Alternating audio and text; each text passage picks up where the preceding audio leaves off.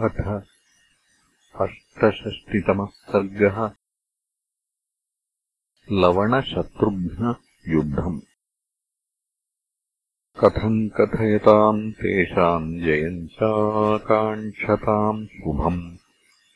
व्यतीता रजनी शीघ्रम् शत्रुघ्नस्य महात्मनः। ततः प्रभाते विमले तस्मिन् काले स राक्षसः निर्गतस्तु पुराद्धीरो भक्ष्याहारप्रचोदितः। एतस्मिन्नन्तरे वीरः शत्रुघ्नो यमुनाम् नदीम् तीर्त्वा मधुपुरद्वारि धनुष्पाणिरतिष्ठत ततोऽर्धदिवसे प्राप्ते क्रूरकर्मा स राक्षसः आगच्छद्बहुसाहस्रम् प्राणिनाम् भारमुद्वहन्। ततो ददर्शशत्रुघ्नम् स्थितम् द्वारिधृतायुधम्। तमुवाच ततो रक्ष किमनेन करिष्यसि। ईदृशानाम् सहस्राणि सायुधानाम् नराधम। भक्षितानि मया रोषात् कालमाकाङ्क्षसेनु किम् आहारश्चाप्यसम्पूर्णो ममायम् पुरुषाधम। स्वयम् प्रविष्टोऽद्यमुखम् कथमासाद्य दुर्मते। तस्यैवम् भाषमाणस्य हसतश्च मुहुर्मुहुः शत्रुघ्नो वीर्यसम्पन्नो रोषादश्रूण्यवासृजत्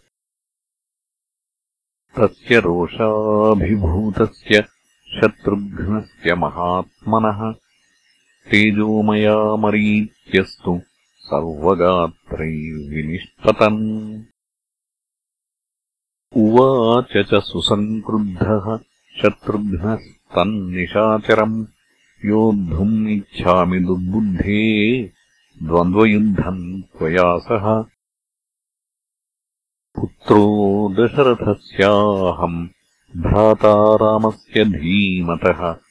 शत्रुघ्नो नित्यशत्रुघ्नो वधाकाङ्क्षीतवागतः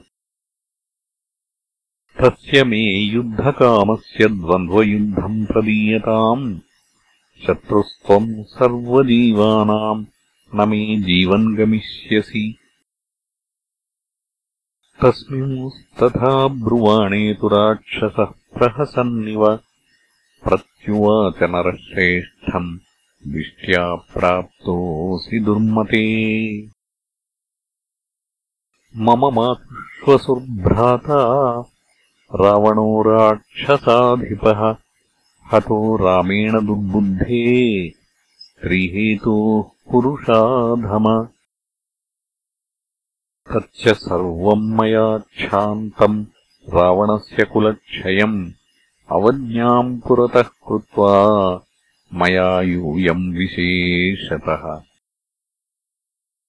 निहताश्च हि मे सर्वे परिभूतास्तृणम् यथा भूताश्चैव भविष्याश्च यूयम् च पुरुषाधमाः तस्य युद्धकामस्य युद्धम् दास्यामि दुर्मते। तिष्ठत्वम् च मुहूर्तम् तु यावदायुधमानये। ईप्सितम् यादृशम् तुभ्यम् सर्जये यावदायुधम्। तमुवाचाथ शत्रुघ्नः क्व मे जीवन् गमिष्यसि। शत्रुर्यदृच्छया दृष्टो न मोक्तव्यः कृतात्मना। यो हि विक्लबया बुद्ध्या प्रसरम् शत्रवे ददौ स हतो मन्दबुद्धित्वात् यथा कापुरुषस्तथा। तस्मात् सुदृष्टम् कुरु जीवलोकम् शरैः त्वाम् विविधैर्नयामि यमस्य गेहाभिमुखम् हि पापम् रिपुम् त्रिलोकस्य च राघवस्य। इत्यार्षे श्रीमद् रामायणे वाल्मीकीये आदिकाव्ये उत्तरकाण्डे अष्टषष्टितमः सर्गः